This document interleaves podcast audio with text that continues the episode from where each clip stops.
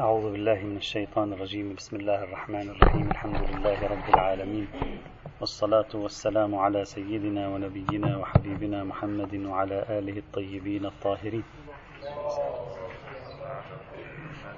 القاعدة الخامسة ما قبل الأخيرة التي نود أن نتحدث عنها من توليفة قواعد آه، عن النص أو فهم المناطات والملاكات والخروج عن حرفية النص.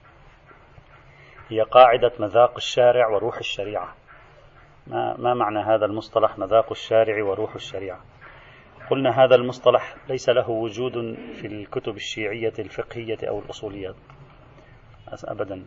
هذا أقدم نص له سنشير بعد قليل بالتفصيل أكثر. هو الشيخ النجفي صاحب الجواهر المتوفى 1266 للهجرة. يعني تقريبا من 200 سنة بدأنا نشهد هذا المصطلح. ولذلك نستطيع بدرس قاطع أن نقول الشيخ النجفي هو مبدع هذا المصطلح في الفقه الإسلامي لأن هذا المصطلح حتى عند السنة ما موجود.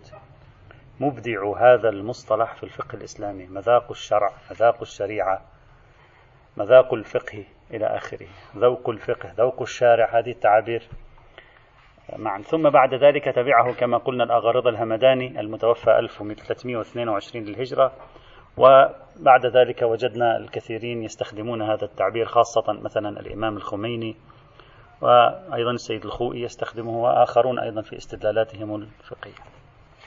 تكلمنا بمقدمة بالأمس عن هذا الموضوع وذكرنا هذه المصطلحات روح الشريعة ومذاق الشريعة وإلى آخره. أول خطوة سنقوم بها الآن هي تحليل هذا المفهوم آه، من خلال تتبع استخداماتهم تاريخيا له. يعني كيف استخدمه صاحب الجواهر؟ بعد صاحب الجواهر نأخذ بعض العينات المهمة. كيف استخدموا هذا المصطلح؟ نحاول أن نفكر في كيفية الاستخدام حتى ننتفع به فيما بعد. نحلل مذاق الشريعة روح الشريعة مذاق الشارع روح الشرع آه، بشكل دقيق أكثر. عند أهل السنة لم أجد هذا التعبير سائدا يعني حتى اليوم لا أجده له حضور تعبير مذاق الشريعة ومذاق. نعم كلمة لعله عندهم مقاصد الشريعة فيما ربما يستخدمونها بشيء بديل. مقاصد الشريعة غايات الشرع مثلا علل الشريعة هذه التعابير التي هي موجودة عندهم في أدبياتهم فقط رأيت تعبيرا واحدا بالعرض ليس له علاقة بالبحث بالعرض ذكره الغزالي في آخر كتاب المنخول. الغزالي عنده كتاب في أصول الفقه اسمه المنخول في علم الأصول غير كتاب المستصفى. في آخر هذا الكتاب هو يبرر لنفسه يقول هو شافعي الغزالي شافعي. وفي هذا الكتاب كما في غيره حمل حملة عنيفة على أبي حنيفة يعني انتقد كثيرا الفقه الحنفي. فيريد أن يبرر لماذا أنا فعلت ذلك ولا أقصد كذا وهناك يستخدم عبارة مذاق الشرع أيضا. يقول فهذا الذي أن ذكرناه وقررناه يعني بمعنى أنه يدركه الذي له خبرة بمذاق الشرع وما شابه ذلك. لكن لا لا نجد هذه الكلمة لها معنى اجتهادي وليس لها دور أصلا. غالبا العلل مقاصد الشريعة روح الشريعة إلى آخره من التعابير شيعيا وجدت تعبيرين قريبين لهذا الموضوع لكن لا يمكن أن نقول بأنهما سبقا بحقيقة تكوين هذا المصطلح صاحب الجواهر. تعبير للسيد محمد جواد الموسوي السيد محمد جواد الحسيني العاملي في كتابه مفتاح الكرامة وتعبير آخر بعده للشيخ علي كاشف الغطاء. العاملي متوفى 1228 وهو أستاذ صاحب الجواهر.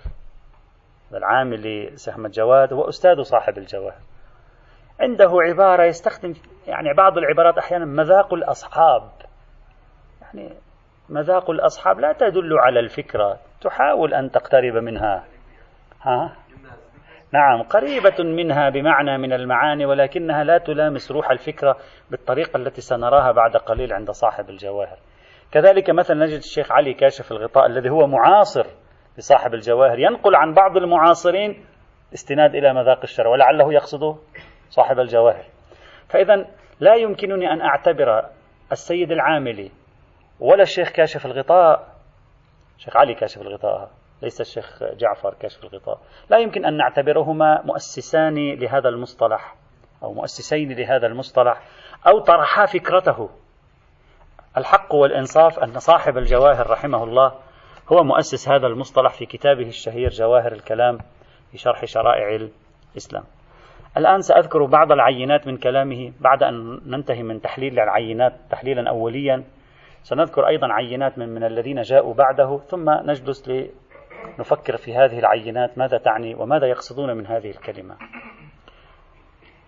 صاحب الجواهر في بحثه عن طهارة الماء القليل بإتمامه كرا أنت عندك ماء قليل ومتنجس.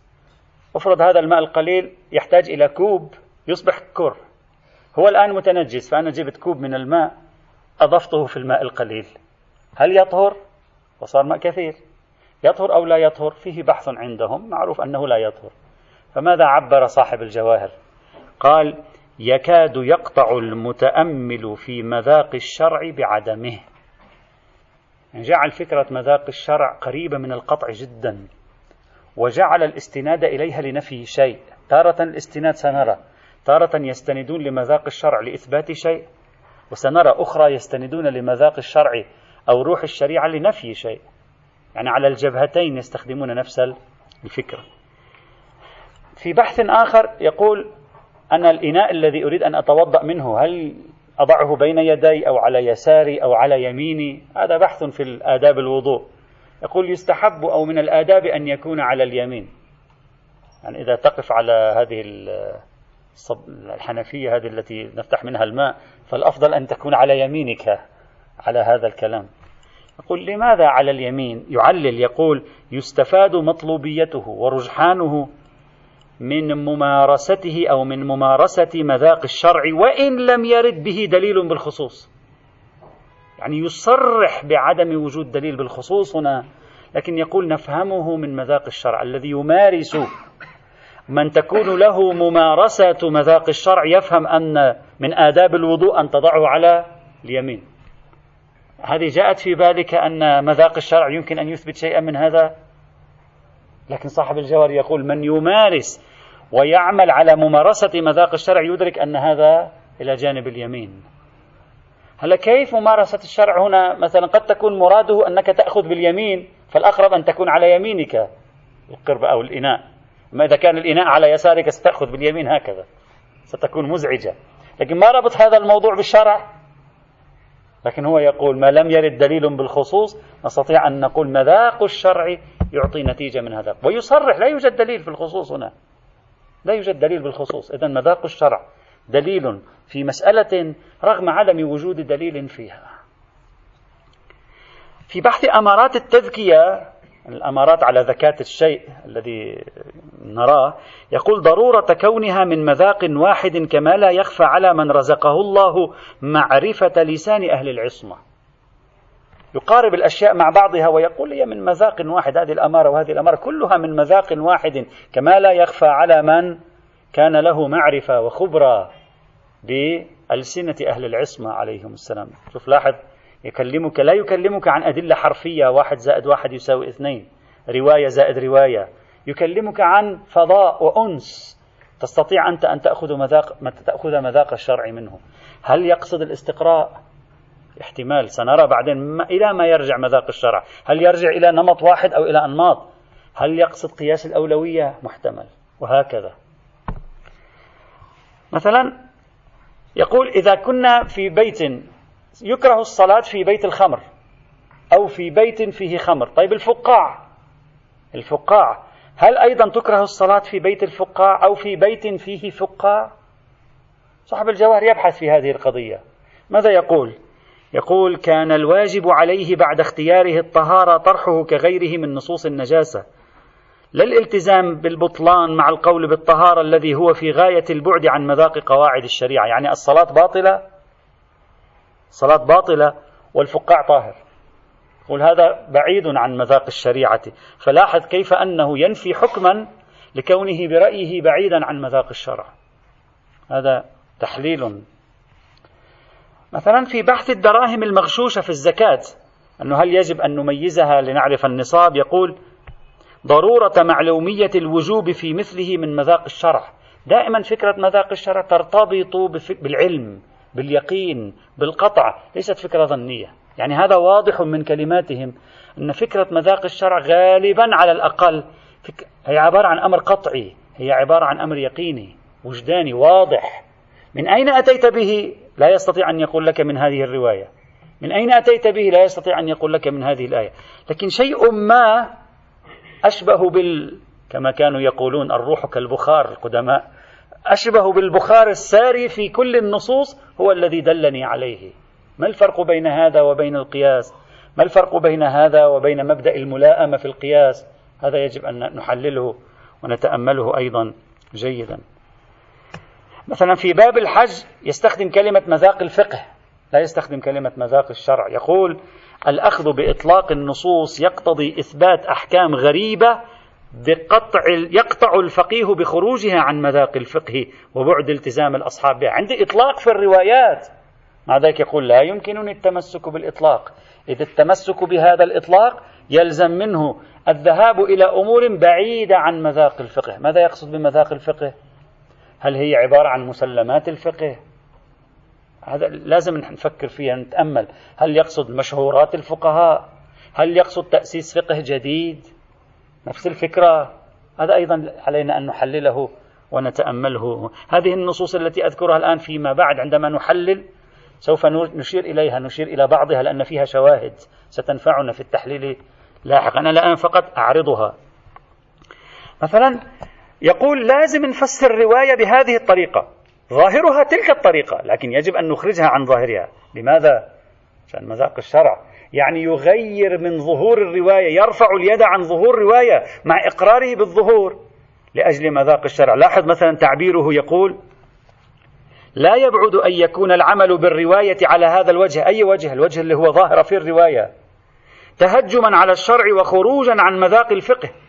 فلا محيص عن تنزيلها على ما ذكرناه بل هو الظاهر منها عند التأمل.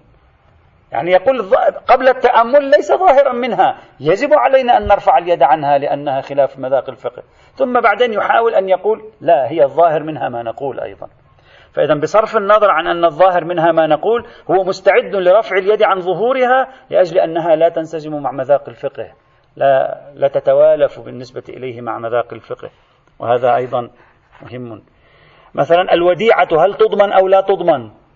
يقول جواز اشتراط ضمان الوديعة ونحوها من الأمانات يمكن دعوى معلومية خلافه من مذاق الشرع. منين جاب مذاق الشرع؟ أنت حاول تفكر يعني حاول تقول ما هو مذاق الشرع هنا؟ يعني ماذا يقصد من كلمة مذاق الشرع؟ لماذا ضمان الوديعة خلاف مذاق الشرع؟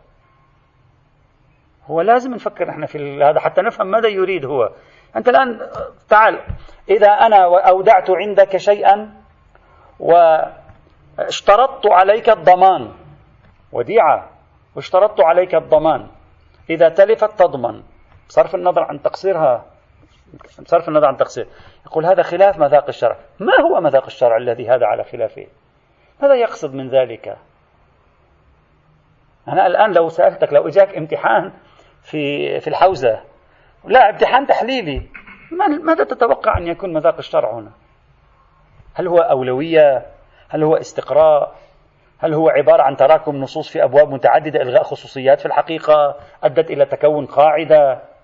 هل هو ماذا ما نعرف. هل هو أن الشريعة لو كان عندها شيء من ذلك لظهر وبان؟ كله محتمل. ما نحن لا نعرف ماذا يقصد من مذاق الشرع هنا. خلف مذاق الشرع ما هو الآلية الاستدلالية ما هي؟ التي عبر عن نتيجتها هو بكلمة مذاق الشرع. لا يشرح لنا لكن فيما بعد عندما نحلل سنأخذ قرائن من كلامهم تؤكد أنهم يستخدمون كلمة مذاق الشرع في عدة أنواع من الأدلة أصلا. وعلى رأسها الاستقراء وقياس الأولوية وأمثال ذلك. كما سوف نرى إن شاء الله تعالى. مثلا عنده نص في غاية الأهمية أو جميل يعني عندما يحكي عن التوارث بين الزوجين في المتعة. إذا توفي أحد الزوجين في المتعة هل يرث أحدهما الآخر؟ طبعا معروف أنه لا يرث أحدهما الآخر. يعبر بعبارة لطيفة. لا ينبغي لمن رزقه الله معرفة مذاق الشرع أن يحتمل ذلك. لا ينبغي. أنت إذا الله رزقك هذا مثل ملا صدرة. كل نظرية فلسفية الله له علاقة بالموضوع وفاض عليه وصلى وطلعت معه. يعتبر هذه رزق إلهي أنك تعرف مذاق الشريعة. حتما في داخله شيء ما. يعني في الخبرة الفقهية الأنس الفقهي يولد عندك إحساسا ما ما فيك تعبر عنه. يعني أنا لو تسألني أقول لك هذه الجملة هذا المصطلح ظهوره دليل على وجود شيء في نفس الفقيه لم يتمكن من التعبير عنه. أصلا لا كأنه لا يقدر على أن يشرحه لنا بطريقة استدلالية. فيوجزه بكلمة مذاق الشرع. ثم يسند مذاق الشرع إلى الله. لماذا؟ لأنه يبدو أن هذا ناتج عن الخبرة في كلام في الكتاب والسنة ناتج عن الأنس ناتج عن رحلة طويلة في خدمة الدين وفي خدمة معرفة الدين. فلذلك لا يستطيع أن ما هو؟ يا أخي اشرح لي ميكانيزماه ما لا يشرح. أنت عليك أن تتصيد. نعم نوع دليل قطع ما هو هذا الدليل القطعي؟ نوع دليل قطعي.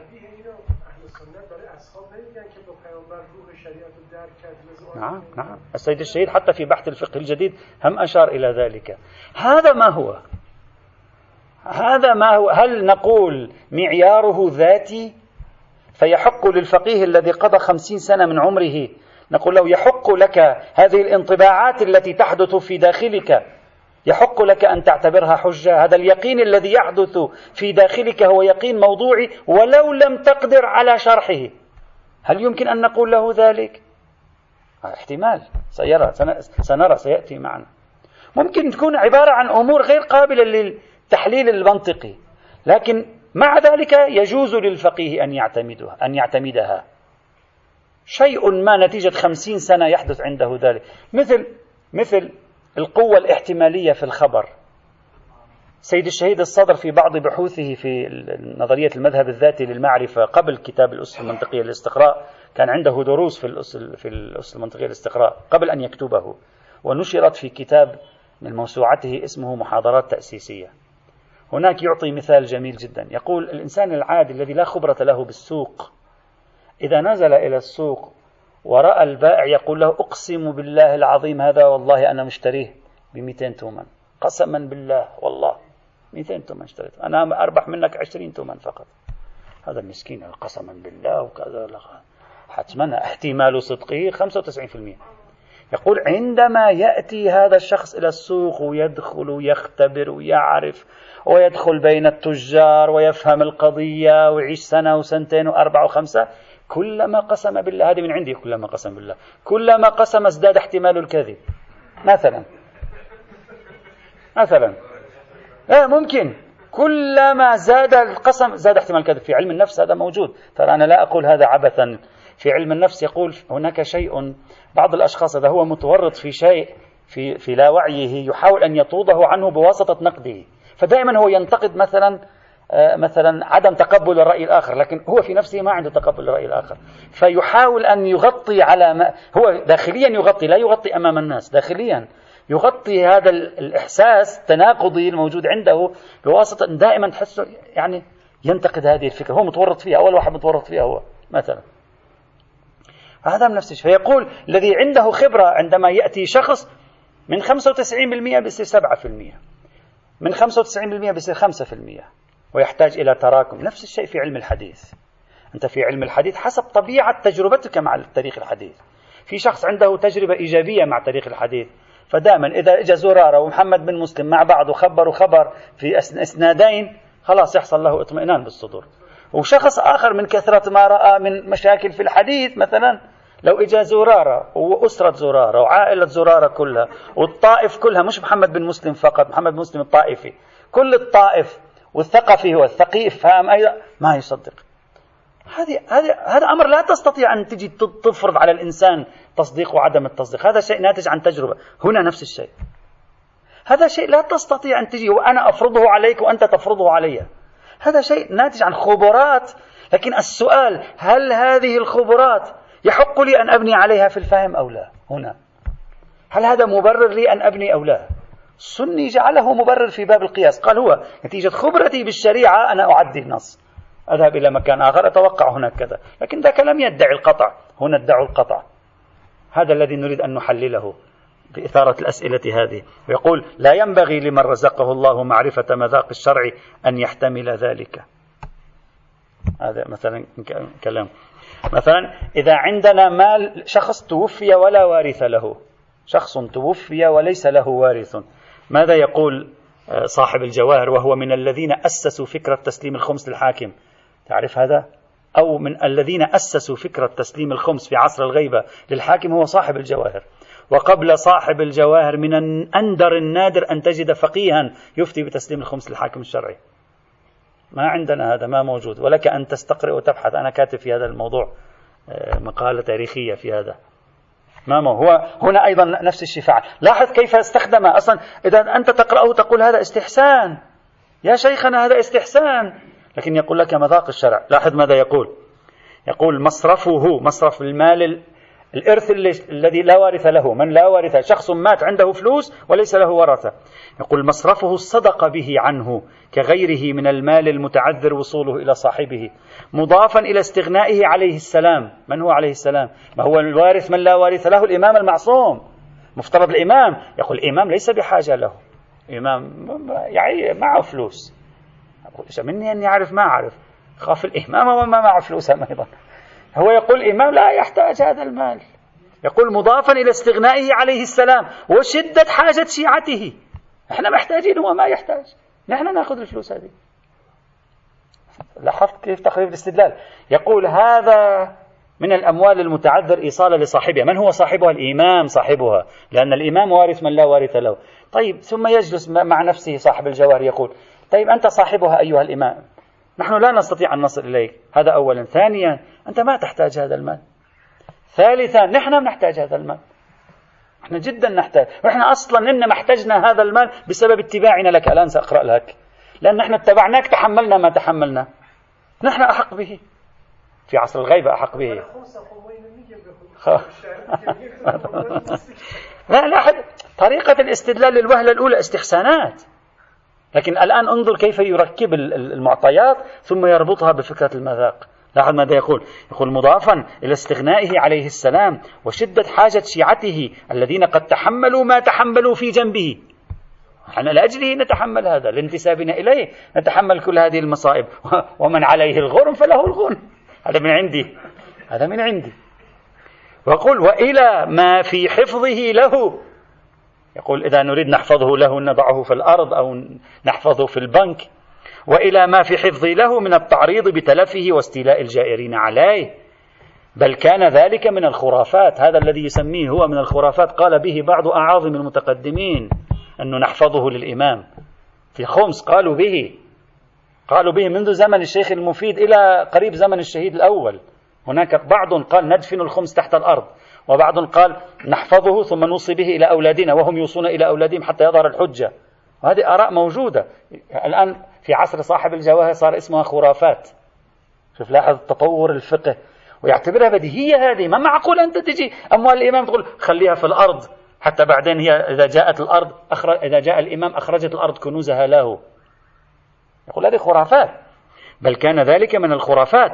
نحو ما قيل في باب الخمس من طرح حقه في البحر ونحو ذلك مما لا يقبله مذاق فقه. مذاق الفقه لا يقبل مثل هذه.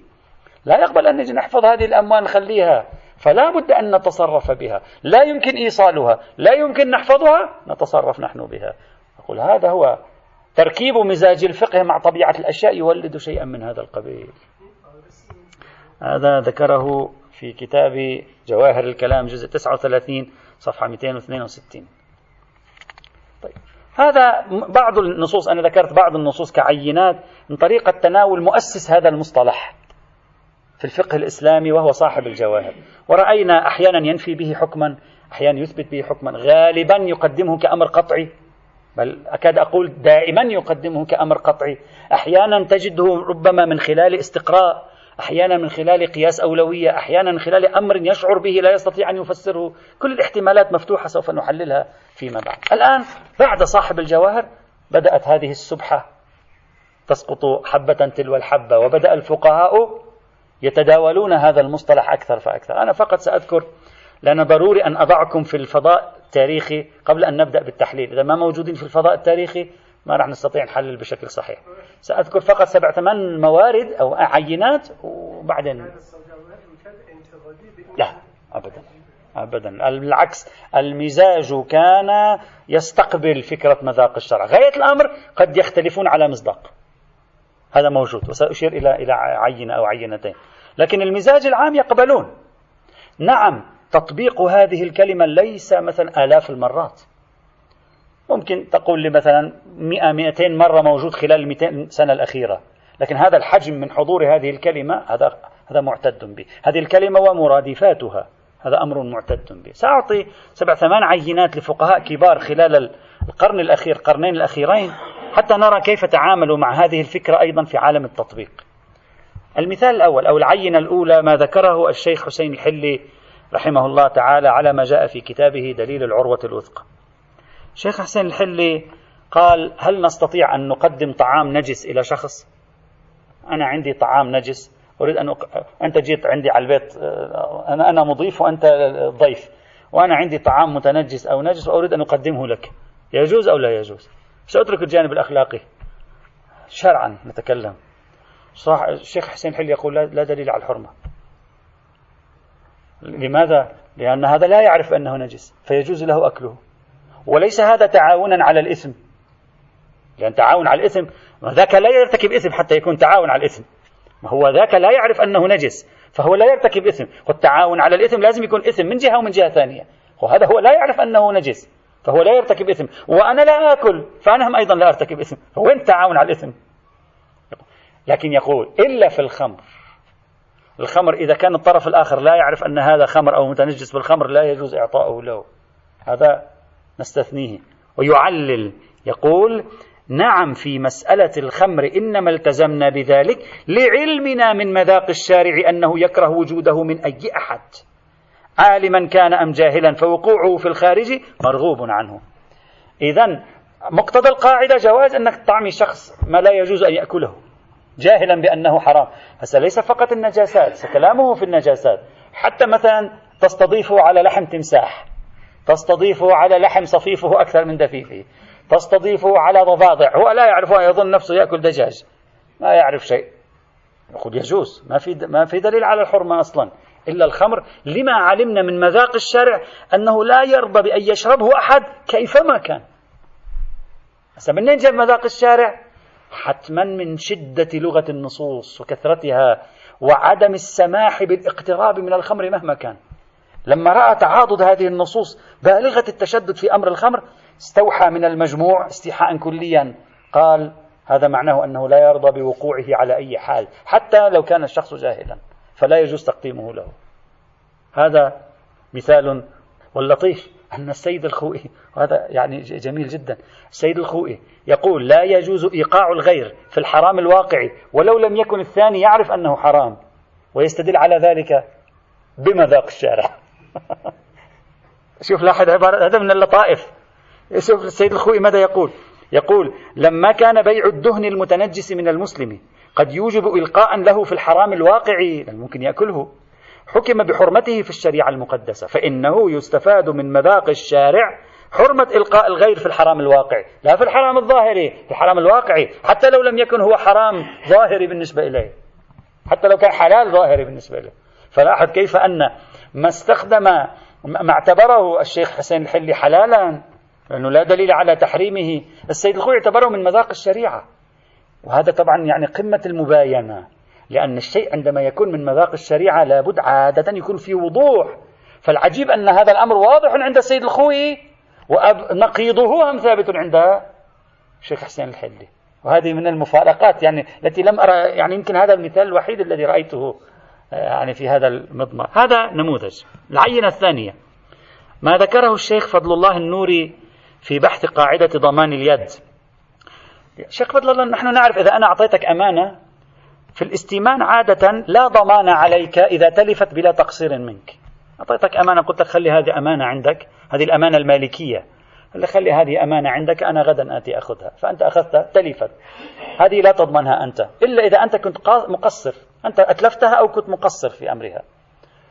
طيب الأمانة الشرعية. طب أنا في جيبي مثلا لنفرض مثلا مال لله سهم الإمام وهو لله ليس لي ولا نقول بأنه ملك للأمة ولا هو ملك لشخص الإمام. هو أمانة شرعية في جيبي. تلف أيضا. بلا قصور ولا تقصير ولا إفراط ولا تفريط. هل بلا إفراط ولا تفريط. هل أنا أضمن؟ يقول في مثل هذه الحال لا نضمن أيضا. الأمانات الشرعية كالأمانات المالكية في عدم الضمان. دليلك لاحظ العبارة جميلة. يقول المسألة في كمال الغموض والإشكال. فإني لم أجد ما يدل على أن استئمان الشارع كاستئمان المالك. الأمانة المالكية غير الأمانة الشرعية. حتى نجري عليها نفس الأحكام. إلا أن مذاق الشرع يقضي بذلك. هو يصرح لا يوجد دليل. لكن مع ذلك يقول مذاق الشرع يقضي بذلك ويبني عليه. ولا يوجد دليل مذاق. هو هذا مذاق الشرع ما هو إذن؟ هذا من الأشياء التي تلفتنا مثال ثالث.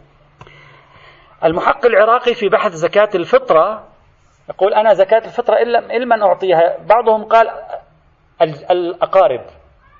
وإذا ما في أقارب الجيران. إذا ما في جيران كذا كذا كذا. الأولويات. بينما المحقق العراقي يقول لا إذا الأمور التبس هكذا الأولى هو الفقيه. لا أقارب ولا جيران ولا غيره. يا أنت منين جبت أن الأولى الفقيه نعطي زكاة فطرة له؟ لاحظ العبارة يقول على إشكال في تقديم ذي القرابة على الفقيه لأن هذا الأخير أهم من الجميع حيث, حيث حسب ما يستفاد من مذاق الشرع المقدس. ثم القريب ثم الجيران. لما ذاق الشرع أو الأقربون أولى بالمعروف. موجودة الآية. وأولو الأرحام أولى ببعض في كتاب الله. موجودة الآية. ونصوص كثيرة في موضوع الأقار لكن يقول لما نلاحظ المجموع الفقيه أولى. الفقيه أولى. المثال الرابع. أو نعم.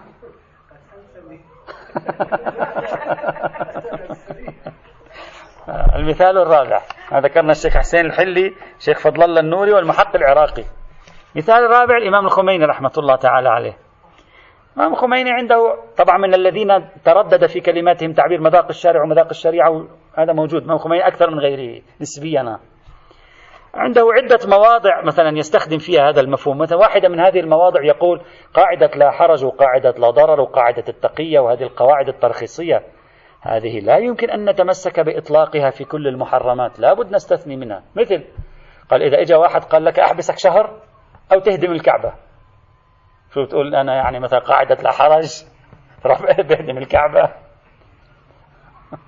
أو شخص مثلا قال لك أنا مثلا أقطع لك أصابعك وإلا ي... و... أو إذا ما إذا ما تريدني أقطع أصابع المسجد الحرام ومكة والمدينة كلها تهدمها أصلا تمحي آثارها على الإطلاق، فأنت تقول إيه يعني هذا لا ضرر تشمل فأنا مثلا لي سلطان أهدم هذه المدن وأنتهي منها لأنه لا ضرر تشملني. أو مثلا وهكذا يقول الامام خميني لا يعقل هذه تكون مشمولة للا ضرر. طيب سيدنا لا يعقل ليش؟ أصلا في آية أو رواية تقيد لا ضرر ما أنتم تقولون قاعدة لا ضرر حاكمة على جميع الأحكام الأولية. وناظرة إلى جميع الأحكام الأولية وتقوم بتقييدها بمورد الضرر. من من قيدها ما في أي آية تقيد حقيقة. لا في آية تقيد ولا في رواية تقيد ولا في أي شيء يقيد. فما الذي يوجب التقييد؟ مع أننا جميعا بوجداننا الآن نكاد نجزم بالتقييد بل نجزم بالتقييد. ما معقول يا أخي قاعدة لا ضرر تجي شخص يقال له إما نحبسك سنة أو مثلا اترك الدم لأنه لا تقية في الدماء. أو نحبسك سنة أو تهدم الكعبة الشريفة. ما معقول. فالإمام ماذا يقول؟ يستند هنا إلى إلى دليل أيضا ماذا سميناه؟ مذاق الشرع. نعم. يقول فإن القول بحكومة نفي الحرج أو الضرر وغيرهما على أدلتها بمجرد تحقق عنوان الحرج والاضطرار والإكراه والضرر والتقية بعيد عن مذاق الشرع غايته. ثم لا يأتيك بدليل. يسأل وجدانك. هذا عجبني جدا هذا. هو الإمام الخميني يدرك أن هذه القضية ليست موجودة في الأدلة والكتب موجودة في وجداننا. هو حتى دليلها أعجبني. قال فهل ترى من نفسك إن عرض على مسلم تخريب بيت الله الحرام أو عرض على مسلم تخريب بيت الله الحرام وقبر رسول الله صلى الله عليه وعلى آله وسلم أو الحبس شهرا أو شهرين أو أخذ ماء أو مائتين منه يجوز له ذلك تمسكا بدليل الحرج والضرر. يعني حتى لما أراد أن يستدل خاطب الوجدان. يعني لما أراد يشرح لنا مذاق الشارع خاطب الود فما هو مذاق الشارع؟ هل هو حالة ذاتية في الفقيه ناشئة عن العيش مع النصوص وليس هو مسؤول عن تبيينها بل تصل عنده إلى حد القطع واليقين. ما تبرير هذه؟ إذا. حتى في موضع آخر لطيف في بحث التصوير تصوير ذوات الأرواح. الإمام الخميني أيضا عنده كلام يقول لا يجوز أن نحافظ على أماكن الشرك والكفر ونفتخر بها بحجة أنها تراث قديم لنا. فيقول يقول لا شبهة في حرمة تصوير الأصنام للعبادة. إلى أن يقول لا فرق بين المجسمة وغيرها يقول فلو عمل صورة بعض أرباب الأنواع المتوهمة التي كانت كانت مورد تعبدهم أو صورة شجرة كذائية كان حراما مطلقا ولا يجوز إبقاؤها واقتناؤها. وذلك لما نعلم من مذاق الشرع الأقدس أنه لا يرضى ببقاء آثار الكفر والشرك. لا يرضى ببقائها كيف؟ للتعظيم أو لحب بقاء آثارها والفخر بها. كما ترى من بعض أولاد الفرس من الحرص على إبقاء الآثار القديمة المربوطة بالمجوس وعبدة الأوثان.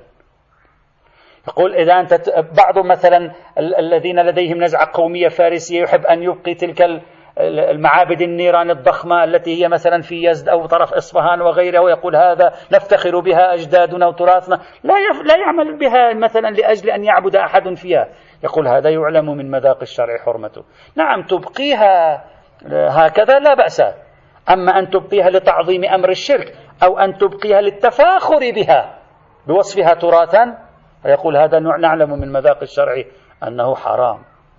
ويتكلم عن بيوت العبادة لا يتكلم عن مطلق الآثار القديمة. وهذا أيضا. إلى غير ذلك من أمثلته يذكر مجموعة من الأمثلة لا أريد أن أطيل فيها أيضا. نعم نعم. مثال خامس السيد الخوئي رحمة الله تعالى عليه. ما هو دليل السيد الخوئي العمدة على اشتراط الذكورة في مرجع التقليد؟ يقول مذاق الشارع. كيف عرفت مذاق الشارع؟ يقول نعرف مذاق الشارع أن المرأة تجلس في البيت تطبخ وتكنس وتراعي أمور التربية والأولاد وتحتجب عن الرجال وعن الحياة, الحياة العامة. هذا علمناه من مذاق الشرع وتؤكده الارتكازات المتشرعية أيضا. فإذا يشترط في مرجع التقليد الرجوع. ليس هذا فقط أيضا مذاق الشارع عند السيد الخوي دليل اشتراط طهارة المولد. دليل اشتراط طهارة المولد في مرجع التقليد. ثم بل عنده جملة يقول كل من فيه منقصة دينية أو دنيوية يعلم من مذاق الشارع وارتكاز المتشرعة أنه لا يكون مرجع تقليد. هذا دليل سيد الدليل الأساسي عنده تركيب من مذاق الشارع ومن الارتكازات المتشرعية. وكيف عرفت الارتكازات المتشرعية ومذاق الشرع؟ يقول إذا كان بصلاة الجماعة لا يقبل طهارة آه، ابن الزنا. إذا كان في صلاة الجماعة لا يقبل إمامة المرأة. فإذا يعلم من مذاقه كذا وكذا. لاحظ هنا يدمج بين مذاق الشارع وبين شيء مثل قياس الأولوية. هذا ينفعنا فيما بعد. فيستنتج المذاق من خلال قياس الأولوية. يعني يأتي إلى أحكام ثم يأخذ ما هو أولى منها ويراها متعددة فيستنتج أن هناك مذاقا. وليس في الأدلة لا خبر ولا تصريح بالحديث عن هذا الموضوع. هذه استنتاجات المذاق التي ربما هذه التي كان يسلكها ابن الجنيد وأمثاله سابقا وحورب أشد المحاربة وقيل إنه كان يعمل بالقياس مثلا كما ذكرنا. مثال آخر الشيخ محمد حسين كاشف الغطاء المثال السادس ربما ما قبل الأخير أعتقد. الشيخ محمد حسين كاشف الغطاء. أنا بدي أعطي الزكاة للفقراء. طيب في بعض الناس عطالين بطالين. هو شاب عمره 25 سنة يمكن أن يعمل ولكن هو لا يعمل. وما معه فلوس؟ هل يجوز أن أعطيه من الزكاة؟ أشخاص عاطلون عن العمل لكن لو أرادوا لعملوا. هؤلاء هل يمكن أن نعطيهم متسولون يمكنهم أن يعملوا. لكن خلاص هم اعتادوا على التسول وأخذ الأموال من الناس. هل هذا بإمكاني أن أعطيه من الزكاة؟